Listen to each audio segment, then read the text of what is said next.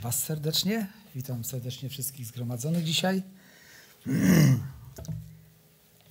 Nie wiem, ilu z Was uczestniczy po raz pierwszy w tego typu chrzcie, jak jest dzisiaj, przez zanurzenie.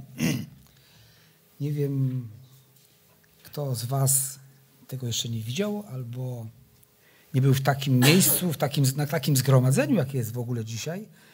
Więc ten dzień pewnie jest szczególny dla kilku osób, czy dla jakiejś grupy osób, którzy po raz pierwszy coś będą robić, albo jedyny raz w życiu będą robić. Na zawsze. Ale oczywiście ro, może rodzić się pytanie, skąd w ogóle wzięło się coś takiego jak chrzest i po co w ogóle coś takiego jak wyznawanie wiary i po co coś takiego jak upamiętanie, po coś, coś takiego jak zbawienie, dlaczego człowiek jest w takiej sytuacji, że powinien takie rzeczy zrobić, żeby coś mieć. Ponieważ nawrócenie, upamiętanie, oprócz tego, że jest powrotem do pewnego stanu, który był na początku, kiedy Pan Bóg stworzył niebo ziemię i człowieka, przynosi również z powodu powrotu do właściwej relacji z Bogiem, też dla człowieka taką korzyść, że nie odejdzie na wieczne potępienie. A więc chciałbym zanim powiem coś więcej bezpośrednio już o samym chrzcie, o jego znaczeniu, e, o, o tym, czym on, tak na, czy on, czym on jest, e, więc chciałbym troszeczkę tła historycznego. Oczywiście tło historyczne będzie oparte na Słowie Bożym. Dzięki Bogu, że mamy Pismo Święte, całe Pismo, które przez Boga jest natchnione, to znaczy, że Pan Bóg miał takich ludzi, którzy w takiej społeczności byli z Nim, że on mógł do nich mówić, bo wiedział, że oni napiszą to, co on chce, żeby napisali. I to właśnie ludzie Boży, natchnieni Duchem Świętym, Starego i Nowego Testamentu, zapisali wszystko to, co my mamy dzisiaj pod postacią Pisma Świętego. Oczywiście różne są tłumaczenia oryginalnego zapisu Biblii, Pisma Świętego, natomiast e, Pismo Święte, czy te, to objawione Boże Słowo, to poselstwo Boże jest jedno. Otóż trzeba było, jak wspomniałem, spojrzeć na sam początek. Czasami ludzie mówią, że Panu Bogu się tam różne rzeczy nie udały. Nie, nie wiem, słyszeliście. Niektórzy mówią, że starość mu się nie udała. Tylko czy Pan Bóg stworzył starość? Czy On chciał starości? Czy, i, y, czemu Pan Bóg nie zatrzyma wojen na ziemi? Czemu Pan Bóg zła nie zatrzyma? No jakby miał zatrzymać wszelkie zło, to i nas musiałby zatrzymać.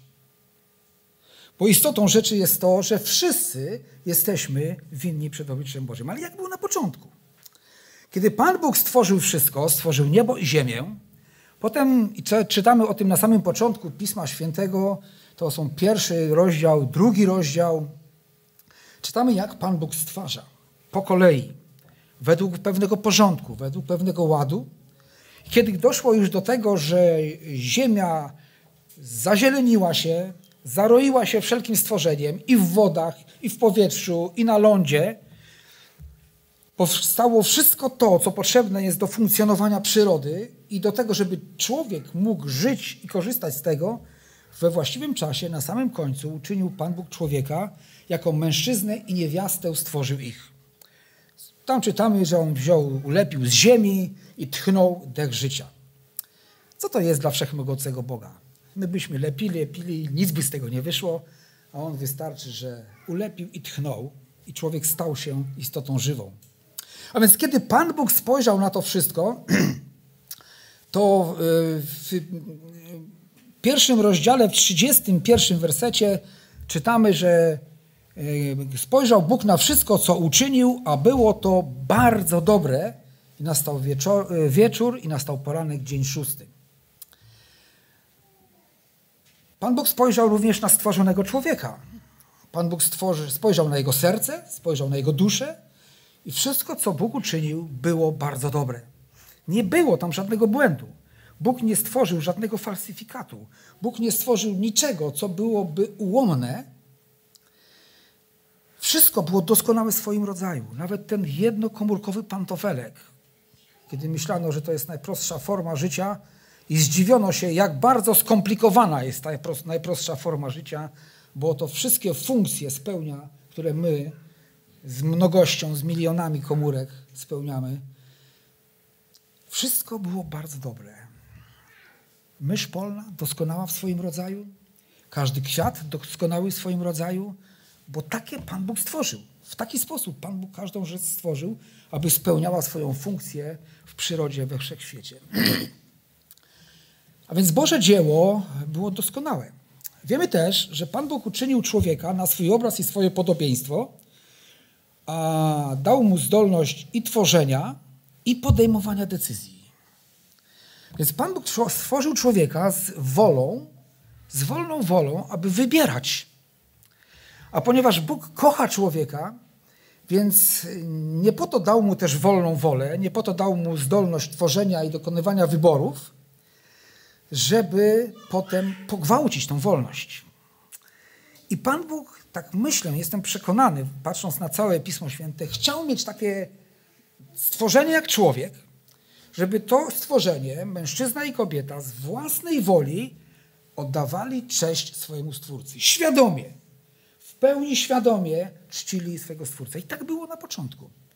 Pan Bóg w powiewie dziennym przechadzał się po ogrodzie Eden, w którym umieścił człowieka, bo to Pan Bóg zasadził ten ogród, tak a propos, czytamy też w pierwszym rozdziale, czy w drugim rozdziale e, Biblii. I Pan Bóg się tam pojawiał. Ja rozumiem, że pierwsze spotkania to były takie, że oni wychodzili, wybiegali z radością na spotkanie i Pan Bóg w tym tchnieniu, w tym powiewie delikatnym wiatru przechadzał się i miał ze swoim stworzeniem y, Pan Bóg społeczność. Pan Bóg w tych doskonałych warunkach do funkcjonowania człowieka, do tego, żeby nie popełniać żadnych złych rzeczy, dał tylko jedno i jedyne przykazanie. Jedyne z jednego tylko drzewa w całym wspaniałym ogrodzie, z którego mogli jeść wszystko, co tylko chcieli, bo wszystko to było dla nich stworzone, aby jedli, a tak a propos, również zwierzęta żywiły się roślinnością. Powiedział tylko jedno drzewo, to drzewo poznania dobra i zła. Nie, nie jedzcie z tego, mówię wam, umrzecie. Nie wiemy, jak długo to trwało.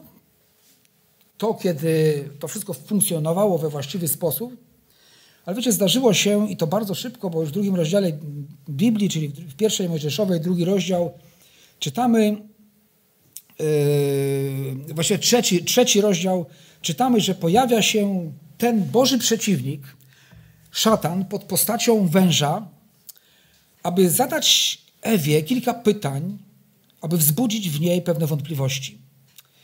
I pyta, czy rzeczywiście Bóg powiedział, czy rzeczywiście Pan Bóg wam nie pozwala? Czy rzeczywiście to, czy tamto? Popatrz, a ten owoc taki fajny. Oczywiście my nie wiemy, czy to było jabłko. Ja nie myślę, że to było jabłko. To był po prostu bardzo wspaniały owoc, który się chciało zjeść. Pan Bóg mówi, tego jednego nie zróbcie. Wszystko macie za wyjątkiem tego jednego. Ale kiedy przychodzi szatan i stawia wybór dla, przed Ewą, a ponieważ Pan Bóg pełen miłości nie, ogra, nie w tym momencie i w każdym innym nie ograbia człowieka z jego wyboru. Ale każdy wybór ma swoje konsekwencje. Możesz jechać 50 przez miasto, możesz 100. Twój wybór i twoje konsekwencje. Jeśli człowiek wymierza sprawiedliwość, tym, tym bardziej Pan Bóg. I czytamy, że gdy kobieta zobaczyła, że drzewo to było, ma owoce dobre do, do jedzenia i że były miłe dla oczu i godne pożądania dla zdobycia mądrości, zerwała z niego i jadła. Dała też mężowi swemu, który był z nią, z nią i on też jadł. Jedno przykazanie, które zostało złamane. Człowiek jednym nieposłuszeństwem utracił niewinność w Bożych oczach. Gdzie było jedno, jedyne przykazanie, dziś tych przykazań więcej, to ktoś może powiedzieć, to ja sobie niektóre będę przestrzegał, niektóre nie, ale tu się mylisz. Ponieważ ka każde przykazanie, które dał Pan Bóg, to stanowi jeden zakon, jedno prawo z różnymi punktami. Złamanie jednego z przepisów oznacza złamanie prawa. Z grzechem jednym jest tak jak z jednym ogniwem w łańcuchu rowerowym. Ile trzeba popsuć ogniw w łańcuchu rowerowym, żeby łańcuch się rozleciał? Jedno. Ponieważ wszystkie razem ogniwa stanowią jeden łańcuch. Popsucie jednego oznacza popsucie łańcucha. I kiedy człowiek tą jedną rzecz zrobił według swoich oczu, według swoich zmysłów i według pragnienia swojego serca, ta jedna chwila zadecydowała o całym dalszej historii ludzkości. I kiedy przechodząc już do Nowego Testamentu, czytamy w liście do Rzymian w piątym rozdziale, w dwunastym wersecie, że jak przez jednego człowieka grzech wszedł na świat, a przez grzech śmierć, tak i na wszystkich ludzi śmierć przyszła, bo wszyscy zgrzeszyli. A więc przez jednego człowieka ludzkość została zarażona wirusem grzechu. Ludzka natura została skażona. Y, dostał się tam wirus, którego człowiek już nie był w stanie cofnąć i w żaden sposób sam naprawić. I ten wszyscy następni, rodzący się z Adama i Ewy, czy rodzący się z Ewy, czy będący potomkami Adama Ewy, rodzili się z tą skażoną naturą, skłonną do tego, żeby grzeszyć. A więc wszyscy, jako ludzkość, staliśmy się winni. Rzymian 3,12 mówi, bo wszyscy zboczyli, razem stali się nieużytecznymi, nie masz kto dobrze czynił, nie masz ani jednego. Jest to Boża opinia to, co do ludzkości. Oczywiście, oczywiście nie wszyscy takie same złe rzeczy robią, ale wszyscy je robią. Nie wszyscy mordują, ale wszyscy, ale wszyscy mają złe myśli. Miewają złe myśli. Ale wszyscy wypowiadają słowa, które obrażają Boga. Nie, wszy, wszyscy, nie wszyscy, wszyscy nie potrafimy ufać Bogu i stawiać Go na pierwszym miejscu, tak jak się należy to Stwórcy. A więc wszyscy zgrzeszyli i brak chwały Bożej. Ziemia jest pełna morderstwa, gwałtów, kradzieży, podstępu, oszustwa, zabijania, mordowania na masową skalę nienarodzonych dzieci. Ziemia jest pełna grzechu.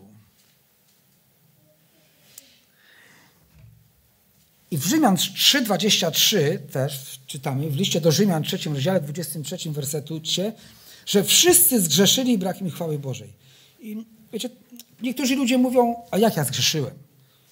Nie, nie zabiłem nikogo i nie ukradłem więcej, jak większych pieniędzy, tak? No to drobne to może tak. Cukierek w sklepie, no ale cóż to jest cukierek? Wszyscy, wszyscy zgrzeszyli i chwały Bożej. Takie jest Boże spojrzenie. Że wszyscy jesteśmy przed Nim winni i że zapłatą za grzech jest śmierć. Grzech nas zdyskwalifikował. Nie nadajemy się do przebywania w społeczności z Bogiem, bo jesteśmy nieczyści. Tak to wygląda w Bożych oczach. Inaczej mówiąc, nie nadajemy się do, do nieba. Zanieczyścił nas grzech, a niebo jest miejscem, gdzie nie ma miejsca na, na grzech. I też człowiek samodzielnie nie ma możliwości, żeby to naprawić. Również tenże trzeci rozdział listu do Rzymian mówi, dlatego z uczynków zakonu nie będzie usprawiedliwiony przed nim żaden człowiek, gdyż grzech jest poznanie grzechu. A więc y, przez y, zakon jest poznanie grzechu. A więc nie ma możliwości, żebyśmy złe uczynki przeważyli na szali dobrymi uczynkami. Pan Bóg nie każe za dobre uczynki. Pan Bóg nie wymierza zapłaty, y, którą jest śmierć za grzech, za dobre uczynki, tylko za złe. A wystarczy jeden, aby złamać po prostu prawo i być winnym. A więc gdybyśmy tylko mieli taką wiedzę na temat tego, jak wyglądamy przed Bogiem i jakie jest Jego stanowisko, gdyby na tym skończyło się Boże działanie, byliśmy, bylibyśmy w absolutnej pułapce. Nie mielibyśmy żadnego wyjścia. Musielibyśmy wszyscy odejść na wieczne potępienie. Ale to sam Pan Bóg wychodzi nam naprzeciw i czyni rzecz, która stała się kilka tysięcy lat później i o której chcę teraz przeczytać z Ewangelii Jana z trzeciego rozdziału, szesnasty werset, nazywany złotym wersetem Biblii. Myślę, że nie na próżno jest tak nazywany, ponieważ tutaj w trzecim rozdziale Ewangelii Jana jest napisane, albowiem tak Bóg umiłował świat, że Syna swego jednorodzonego dał, aby każdy, kto weń wierzy, nie zginął, ale miał żywot wieczny. Pan Bóg wychodzi naprzeciw. Człowiek nie był w stanie dotrzeć do Boga swoimi staraniami. Nie ma takiej możliwości. Y, z uczynków zakonu nie będzie nikt usprawiedliwiony. Taki był Boży wyrok. I taka, taka jest realna sytuacja. Nikt z nas nie jest w stanie zadośćuczynić z dobrymi staraniami, dobrymi uczynkami za nieposłuszeństwo wobec Boga, które jest naszym udziałem. A z pewnością każdy z nas skłamał, z pewnością każdy z nas miał złą myśl, z pewnością e, wyrażaliśmy pewne rzeczy złymi słowami, z pewnością każdy z nas, choć raz uświadomił sobie, mam nadzieję, że Boga nie postawił we właściwym miejscu w swoim życiu. A tymczasem Słowo Boże mówi, że mamy miłować Boga całym sercem, wszystkimi myślami, całą siłą swoją, całą swoją istotą. Bo On jest naszym Stwórcą. On nas uczynił. Czy może powiedzieć garnek do garncarza, nie potrzebujecie garncarzu? Głupi garnek. Przecież garncarz go stworzył. I człowiek jest głupi. Bo ludzie coraz bardziej w tym świecie mówią, Bóg? Jaki Bóg? My nie potrzebujemy Boga. Nie potrzebujemy Jego łaski. Rozum, nauka, to nam zapewni przyszłość i rozwiąże nasze problemy. Właśnie widzimy, jak rozwiązuje. Wyłączmy wiadomości tylko. Z tego wersetu dowiadujemy się, jaki jest Bóg, co zrobił, co my możemy zrobić, co nam to daje i co Bóg nam przez to wszystko daje. I czytamy, że Bóg umiłował świat, więc czytamy o tym, że Bóg kocha ludzkość, kocha grzesznika. Nie znaczy, że akceptuje jego grzechy. Kocha grzesznika i gotów jest w każdej chwili odpuścić mu grzech, jeśli człowiek uzna swój grzech i poprosi o wybaczenie. Niezależnie od wieku, od pochodzenia, od statusu społecznego, każdy potrzebuje tego zbawienia, bo każdy jest grzesznikiem. I oto Bóg umiłował świat, czyli umiłował ludzkość. I ta miłość nie była tylko, wiecie, taką teorią, ale on też dał, tak umiłował świat, że syna swojego jednorodzonego dał. Co znaczy to słowo dał? To znaczy wydał go na śmierć za moje i twoje grzechy. Dał go jako baranka Bożego, który gładzi grzech świata. Dał go na ofiarę za nasze grzechy. I to też nie było tak, że Pan Jezus został do tego zmuszony. Tu nie, nie chciałbym z powodu y, też ograniczenia, y, y, ograniczenia czasowego przytaczać miejsc takich, których Pan Jezus ochoczo wypełnił to zadanie. Właściwie to było tak samo, jak Bóg Ojciec tego chciał, tak samo Bóg Syn tego chciał. I w mocy Ducha Świętego wszystkiego się to wykonało. Ojciec dał swego Syna na śmierć w moje miejsce. I teraz pewne rzeczy się już stały, one są faktami. Bóg umiłował świat, przed założeniem świata nawet, umiłował ludzkość, wiedząc, że zrobimy to, co zrobimy i będziemy takim, jakim jesteśmy. I On dał swojego Syna. To są fakty. To się stało. Chrystus stąpił na ziemię, stał się człowiekiem, pozostając Bogiem, jest w pełni Bogiem i w pełni człowiekiem i złożył siebie w ofierze. Swoje czyste, święte ciało, Jego czyste, święte ciało zostało obciążone naszymi grzechami. I teraz co my możemy zrobić, co, co musimy zrobić, aby to miało dla nas właściwy skutek? Otóż czytamy, że Syna swego dał, aby każdy, kto w Niego wierzy, to jest to, co pozostaje nam do zrobienia. Jest wybór. Pan Bóg stawia dziś przed Tobą wybór. Uwierzysz w poselstwo Ewangelii, uwierzysz w Jezusa, w Jego ofiarę, w to, że On uczynił to dla Ciebie, czy pozostaniesz obojętny, czy może powiesz, a moi ojcowie myśleli inaczej, ja będę myślał tak samo jak oni i będę sobie żył, bo przecież tradycja, bo przecież zwyczaje, bo przecież yy, spuścizna narodowa. Ale Bóg jest ponad narodami, ponad spuścizną narodową, ponad tradycją. On jest żywy. I On mówi, kto uwierzy w, te, w tego Pana Jezusa, nie zginie, a więc zostanie uwolniony od kary za grzech, czyli nie odejdzie na wieczne na potępienie, ale będzie miał żywot wieczny. I tą jedną decyzją, którą podejmuje człowiek, Paweł, Aneta i Nadia uczynili to w swoim e, życiu, wielu, czy większość z nas to uczyniła, kiedy uwierzyliśmy w łaskę Bożą, w zbawienie, w krew Jezusa, która oczyszcza od wszelkiego grzechu, kiedy przyjęliśmy, uznaliśmy własny grzech, wyznając Bogu swoje grzechy, e, wtedy Pan Bóg dokonał tego, co jest dla nas niemożliwe. uwolnił nas od kary za grzech. Nie zginiemy, ale będziemy mieć życie wieczne.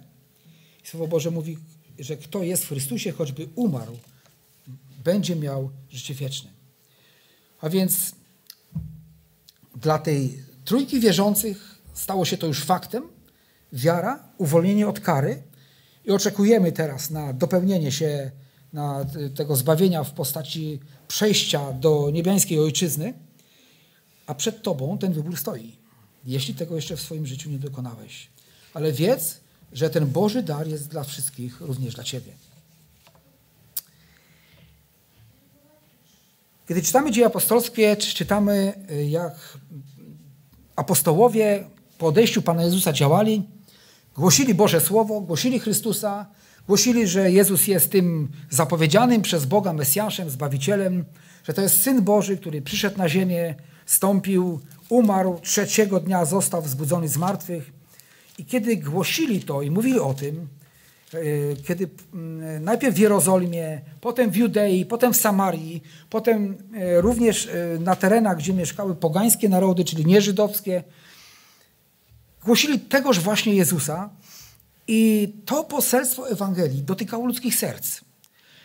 Było pierwszego dnia, kiedy Piotr apostoł głosi słowo i mówi o Chrystusie, nawraca się około 3000 osób, które tegoż dnia zostały ochrzczone, ponieważ byli to w zasadzie Żydzi, którzy zrozumieli i uwierzyli, że Jezus jest tym Mesjaszem, na którego czekają.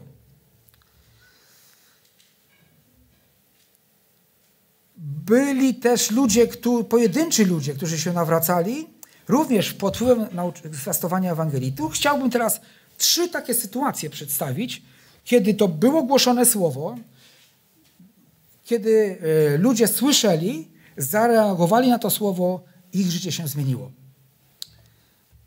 Dzieje apostolskie, drugi rozdział, od 36 wersetu. To właśnie tam apostoł Piotr przemawia i w pewnym momencie mówi, niech wtedy wie z pewnością cały dom z Izraela, że i Panem i Chrystusem uczynił go Bóg, tego Jezusa, którego wy ukrzyżowaliście. A gdy to usłyszeli, byli poruszeni do głębi i rzekli do Piotra i pozostałych apostołów, co mamy czynić, mężowie bracia? A Piotr do nich, upamiętajcie się, niech każdy z was się da ochrzcić w imię Jezusa Chrystusa na odpuszczenie grzechów waszych, a otrzymacie dar Ducha Świętego. Obietnica ta bowiem odnosi się do was i do dzieci waszych oraz do wszystkich, którzy są z dala, ilu ich Pan Bóg nasz powoła. Wielu też innymi słowy składał świadectwo i napominał ich, mówiąc, Ratujcie się spośród tego pokolenia przewrotnego. Ci więc, którzy przyjęli Jego słowo, zostali ochrzczeni i pozyskanych zostało owego dnia około 3000 dusz. To jest pierwsze wydarzenie. Drugie wydarzenie opisane jest w dziejach apostolskich w ósmym rozdziale, 33 do 39. Piotr i Syla zgłoszą Ewangelię, zwiastują słowo w jednym z miast. Tam e, powstaje sprzeciw wobec e, Ewangelii, czyli E, Paweł i Sylas zostali wtrąceni do więzienia, tam o północy śpiewają pieśni na chwałę Bożą, będąc zakuci w dyby, w kajdany.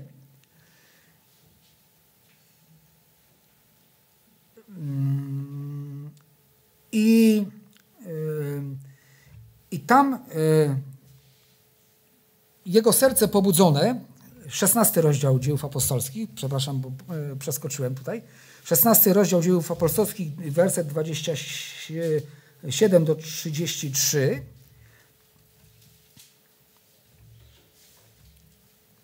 I 43 werset.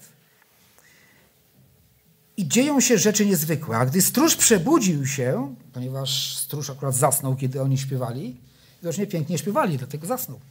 A może trwało to długo. Gdy się przebudził stróż więzienny i ujrzał otwarte drzwi więzienia, dobył miecza i chciał się zabić, sądząc, że więźniowie uciekli, lecz Paweł odezwał się donosnym głosem, mówiąc, nie czyń sobie nic złego, bo jesteśmy tu wszyscy. Zażądał wtedy światła, wbiegł do środka i drżąc cały przypadł do nóg Pawła i Sylasa, wyprowadziwszy ich na zewnątrz, rzekł, mężowie, panowie, co mam czynić, abym był zbawiony? A oni rzekli, uwierz w Pana Jezusa, a będziesz zbawiony ty i twój dom i głosili słowo pańskie jemu i wszystkim, którzy byli w domu. W tejże godzinie zabrał, w nocy zabrał ich ze sobą, obmył ich rany i został zaraz ochrzczony, on i wszyscy jego domownicy, 43 werset, druga część, i weselił się wraz z całym domem swoim, że uwierzył w Boga. Zobaczcie, on nie musiał czynić żadnej pokuty. On nie musiał wędrować do żadnego świętego miasta, ani miejsca. Uwierzył w Pana Jezusa. Jego życie się zmieniło i całego jego domu. No i również to, co wspomniałem wcześniej, Dzieje Apostolskie, ósmy rozdział, 33 do 39, to jest jeszcze inna sytuacja. Tam dostojnik etiopski wraca z Jerozolimy, czy, czyta zwój księgi proroka Izajasza, nie rozumie tego, co czyta i Duch Święty Filipowi, który był w, pod, w pobliżu, podpowiada, przyłącz się do tego wozu i rozpoczyna się rozmowa. Wtedy Eunuch odezwał się do Filipia i rzekł, proszę cię, o kim to prorok mówi? O sobie samym czy o kim innym? A Filip otworzył swoje usta i zwiastował mu dobrą nowinę o Jezusie, począwszy od tego ustępu pisma, gdy tak jechali drogą, przybył nad jakąś wodę, a eunuch rzekł, oto woda, cóż na, stoi na przeszkodzie, abym został ochrzczony.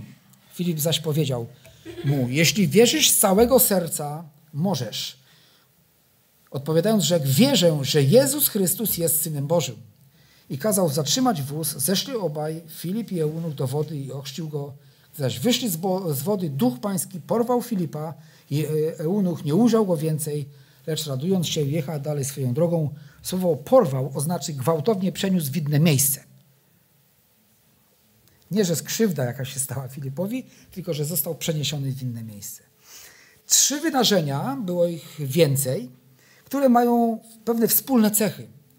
Było głoszone Boże Słowo, czyli Ewangelia, czyli to, co my dzisiaj tutaj czytamy. Oczywiście nie było wtedy Ewangelii tak spisanej, jak dziś mamy.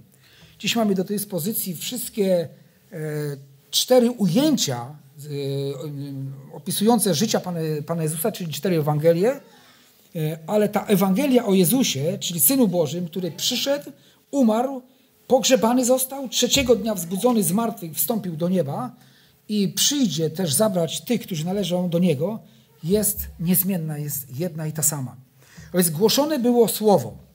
To Słowo było tym, czego Duch Święty używał, żeby przekonać ich, że są grzesznikami, że sprzeciwili się Bogu, że potrzebują upamiętania pod wpływem tego słowa i pod wpływem głoszonego, głoszonej wieści, tej radosnej nowiny, czyli Ewangelii o Panu Jezusie, byli poruszeni do głębi, przyszła świadomość grzechu, poczucie, świadomość winy, tego, że są zgubieni z powodu grzechów, że potrzebują ratunku. Potem przychodzi też wiara w Pana Jezusa. Do tego jest za, e, to wyznaje Etiopczyk, ten eunuch, minister skarbu, to, to y, zostało zalecone stróżowi więzienia, aby uwierzył w Pana Jezusa, to również mieli uczynić ci zgromadzeni w Jerozolimie. A więc pojawia się wiara w Jezusa, że On jest Synem Bożym, że jest Mesjaszem, że jest Zbawicielem i że tylko Jemu należy zaufać. Potem pojawia się chrzest. Chrzest jako symbol śmierci i zmartwychwstania, Właściwie to trochę więcej nawet niż symbol, ponieważ y, wyraża duchową rzeczywistość, która już zaistniała w życiu ludzi zbawionych, a też pokazuje praktyczne zastosowanie y, w życiu chrześcijanina co do, mm, co do wyboru pewnych wartości, którymi teraz należy się kierować. I to my, którzy od dawno już przyjęliśmy Pana Jezusa, zostaliśmy ochrzczeni, ale i wy również, Dzisiaj, kiedy ta wspaniała chwila jeszcze jest przed wami, cieszcie się, że jeszcze przed wami, bo już będzie tylko po was, po, po tym, po fakcie. A więc oczekujemy na ten moment, że jest to również, e, że to ten fragment, który mówi o, o chrzcie, o zanurzeniu w Chrystusa, był dzisiaj zresztą czytany, e, co oczywiście raczej e, jest pomocne w tym, że mogliśmy się trochę z nim osłuchać, ja go jeszcze raz tutaj przeczytam i troszeczkę, dosłownie dwa, trzy zdania na jego temat. Rzymian, szósty rozdział, jedenasty, dwunasty werset, znaczy troszeczkę więcej, od pierwszego do, y, mm, przepraszam, tak, od pierwszego do dwunastego wersetu. Rzymian, szósty rozdział, od pierwszego do dwunastego wersetu. Cóż więc powiemy? Czy mamy pozostać w grzechu, aby łaska obfitsza była? Przenigdy. Jakże my, którzy grzechowi umarliśmy, jeszcze w nim żyć mamy. Czy nie wiecie, że my wszyscy ochrzczeni w Chrystusa Jezusa, w śmierci Jego zostaliśmy ochrzczeni? Pogrzebani tedy wraz z Nim jesteśmy przez chrzest w śmierć, abyśmy jak Chrystus chrzeszony został z martwych przez chwałę Boga, tak i my nowe życie prowadzili. Bo jeśli wrośliśmy w podobieństwo Jego śmierci, wrośniemy również w podobieństwo Jego zmartwychwstania. Wiedząc to, że nasz stary człowiek został wespół z Nim ukrzyżowany, a, aby grzeszne ciało zostało unicestwione, abyśmy już nadal nie służyli grzechowi, kto bowiem umarł, uwolniony jest od grzechu. Podobnie i wy uważajcie siebie za umarłych dla grzechu, a dla, za żyjących dla Boga w Chrystusie Jezusie Panu naszym. Niechże więc nie panuje grzech w śmiertelnym ciele waszym, abyście nie byli posłuszni porządliwościom Jego. Tłumaczenie, które przeczytał brat Dawid, chyba troszeczkę już współcześniej przekazuje tą treść i wydaje się nawet bardziej wymowna i zrozumiała, ale tym niemniej czytamy tutaj o dwóch rzeczach. O śmierci i o zmartwychwstaniu. Tak właściwie czasami nie wiadomo, w którym momencie apostoł Paweł pisze o zanurzeniu w Chrystusa w sensie duchowym, to znaczy zanurzeni takim, żeśmy w Niego uwierzyli i On wszedł w nasze życie, Duch Święty zamieszkał w nas, jesteśmy Jego własnością, odmienił nasze serca i teraz żyjemy dla Jego chwały. A kiedy tak naprawdę mówi też o tym chrzcie w sensie fizycznym, czy tym zanurzeniu. Ja myślę, że to jest tak połączona ze sobą ta myśl te, te, tego wydarzenia i, i tej duchowej rzeczywistości, że możemy powiedzieć tak. Chrzest który tutaj praktykujemy, jest chrztem przez zanurzenie, ponieważ czytamy o tym, o śmierci i o zmartwychwstaniu. Tak więc zanurzenie symbolizuje śmierć z Chrystusem, utożsamienie się z Nim na krzyżu, kiedy wyznajemy nasze grzechy, kiedy wiemy, że On umarł za nasze grzechy i śmierć oznacza już nieistnienie dla starego naszego życia, w którym rządziły inne prawa niż Boże którym żyliśmy po swojemu, może tradycyjnie, może religijnie, może bardzo religijnie, ale nie z Chrystusem. Nie w społeczności z Chrystusem. A więc śmierć, czy to zanurzenie, mówi nam o śmierci dla starego życia. Mieliśmy swoje priorytety przed przyjęciem Chrystusa, przed poznaniem Go. Mieliśmy swoje wartości, mieliśmy swoje cele, Y, budowaliśmy życie po swojemu, tak jak nam się chciało. Nie liczyliśmy się z Bożym Słowem, ono nie miało dla nas znaczenia większego. Czytaliśmy, możemy czytać y, Ewangelię, czy jakąkolwiek część z Pisma Świętego. Owszem, ciekawe tam rzeczy można było znaleźć, y, zgodzić się z wieloma rzeczami, ale ciągle to było życie nie w Chrystusie i nie z Chrystusem. Ciągle to nie było życie, które by było złamane dla, z powodu dla Jezusa, aby Jemu dać pierwszeństwo w naszym życiu. I wynurzenie jest tutaj skojarzone ze zmartwychwstaniem. To, zmartwychwstanie z Chrystusem oznacza, że teraz mamy żyć z Nim, dla Niego i dla chwały Bożej. Żyliśmy tak, jak nam popadło w przeszłości, a teraz świadomie chcemy żyć dla Pana Jezusa. To znaczy, mieliśmy swoje wartości przed nawróceniem. Nawet bardzo dobre nieraz wartości. Ale Chrystus nie był dla nas tym, kim staje się w momencie nawrócenia. Panem, jedynym Zbawicielem, Bogiem i Panem naszego życia. Ten, dla którego chcemy teraz żyć i służyć. Co jest charakterystyczne dla kogoś, kto umarł? Na jakie bodźce reaguje zmarły? Na żadne. Na żadne. Dlatego jest powiedziane, że przez chrzest w śmierć, to znaczy teraz, jeśli świat nam przyjdzie, a nawet najbliżsi nasi, czy w domu, czy w rodzinie, sąsiedzi, przyjaciele, i będą mówić rzeczy niezgodne z Bożym Słowem, to my w ogóle na to nie zareagujemy w tym sensie, że w ogóle w tamtą stronę ani pół kroku nie chcemy zrobić. To znaczy nie żyć dla świata, być umarłym z Chrystusem dla świata. A żyjący dla Boga ale cokolwiek powie Pan Bóg, każde jedno słowo z Biblii, każda pieśń o Jezusie, o Bogu, będzie nas ożywiać, będzie sprawiać nam radość. Pragnieniem naszego serca jest podobać się Chrystusowi i wypełniać Jego wolę. z Chrystusem przez chrzest w śmierć dla starego życia, dla własnej idei, własnej filozofii życia, to jest koszt, który ponosimy. To jest koszt. Musimy taki koszt ponosić. Oczywiście my, którzy od dawna jesteśmy, należymy do Chrystusa, też codziennie musimy wybierać i ponosić koszty dla Chrystusa, zrezygnując z własnego ja, z własnego ego, żeby Chrystus był uwielbiony. Jemu chcemy się podobać, żyjący teraz dla Boga. Dla Niego chcemy żyć i spełniać Jego wolę.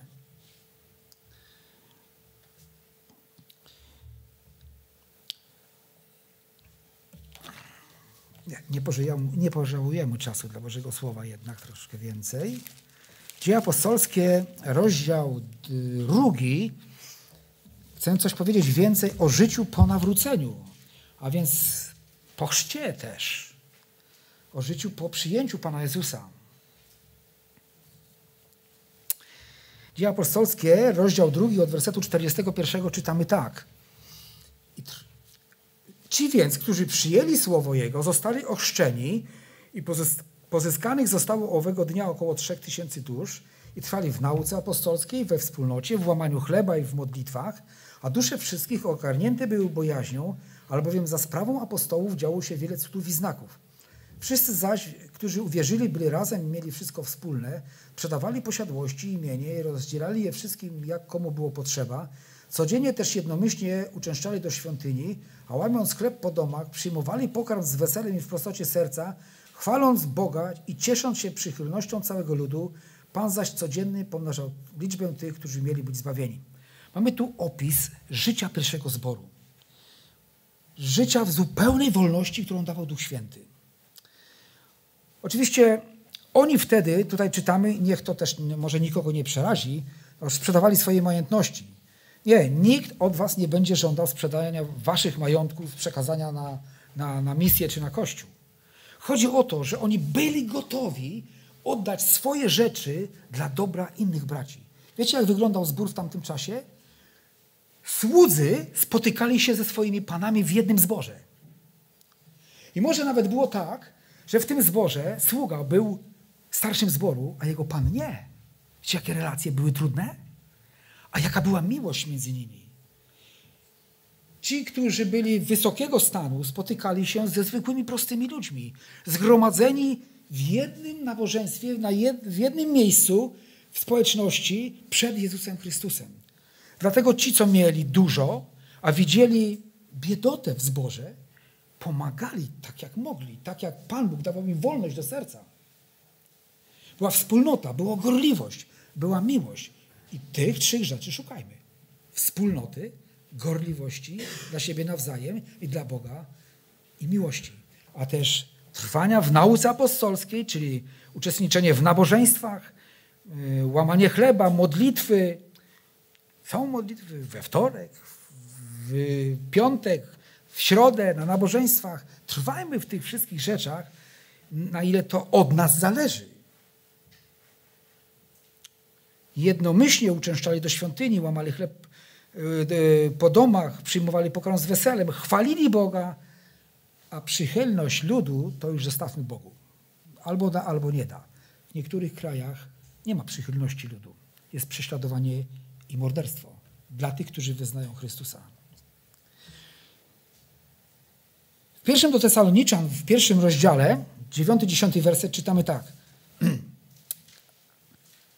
Bo oni sami, czyli e, mieszkańcy Tesaloniki, ci nienawróceni, ci nieznający Chrystusa, oni sami opowiadają o nas, jakiego to u was doznaliśmy przyjęcia jak się nawróciliście od bałwanów do Boga, aby służyć Bogu żywemu i prawdziwemu i oczekiwać Syna Jego z niebios, którego wzbudził z martwych. Jezusa, który nas ocalił przed nadchodzącym gniewem Bożym.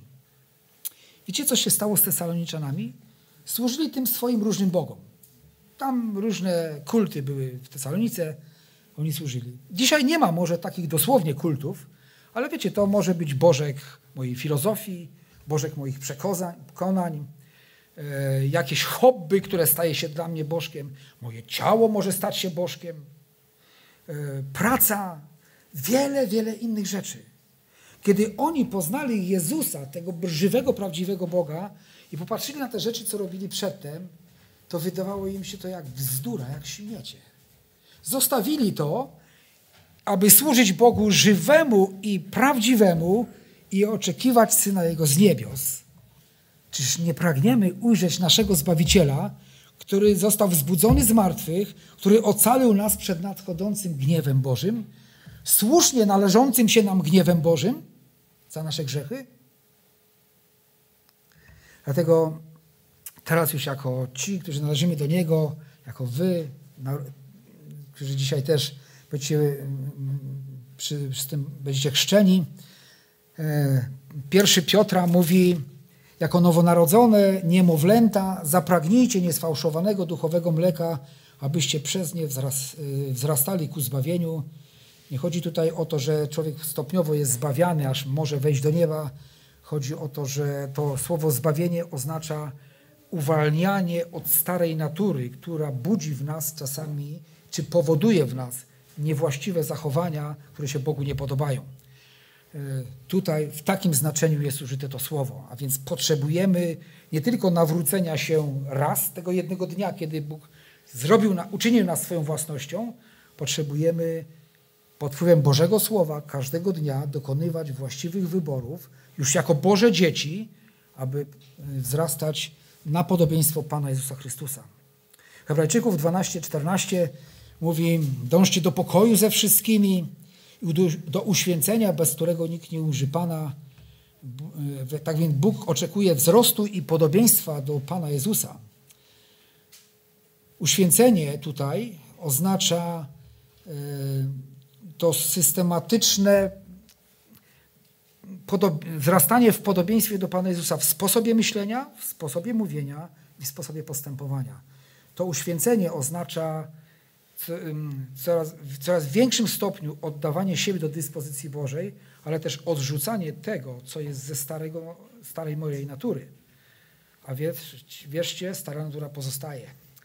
I ktoś powiedział, to wzrośnie, co będziesz karmić. Tak więc mamy karmić naszą nową naturę, którą mamy od Boga, tą boską naturę, której staliśmy się uczestnikami, Bożym Słowem, niczym innym się nie daje nakarmić, niczym innym. Bożą naturę tylko Bożym Słowem możemy umacniać. I dalej Piotr, w drugim Piotra jest napisane 1, 10, 11. Dlatego bracia, tym bardziej dołóżcie starań, aby swoje powołanie i wybranie umocnić, czyniąc to bowiem nigdy się nie potkniecie. W ten sposób będziecie mieli szeroko otwarte wejście do wiekuistego Królestwa Pana naszego i Zbawiciela Jezusa Chrystusa, to jest słowo i do katechumenów, ale i do nas wszystkich. To ciągle jest aktualne, aby dokładać wszelkich starań do swojego powołania, aby je umocnić poprzez wierność Bogu, poprzez wypełnianie Bożego Słowa, posłuszeństwo Bożemu Słowu, e, poprzez oddawanie Bogu chwały, wdzięczności, dziękczynienia, abyśmy mogli z radością, bez obciążonego sumienia, Pismo Święte też mówi o obciążonym sumieniu, o niewyznanych grzechach, aby przypadkiem czegoś takiego nie było, a wtedy zawsze będziemy się zastanawiać, co się stanie po tamtej stronie, skoro nie wyznałem grzechu. Trwajmy w czystości przed Panem i umacniajmy to nasze powołanie poprzez Słowo Boże, poprzez społeczność z Chrystusem. Niech więc nie panuje grzech w śmiertelnym ciele waszym, abyście nie byli posłuszni porządliwościom Jego, i nie oddawajcie członków swoich grzechowi na oręż nieprawości, ale oddawajcie siebie Bogu jako ożywionych z martwych, a członki swoje na oręż sprawiedliwości. Amen.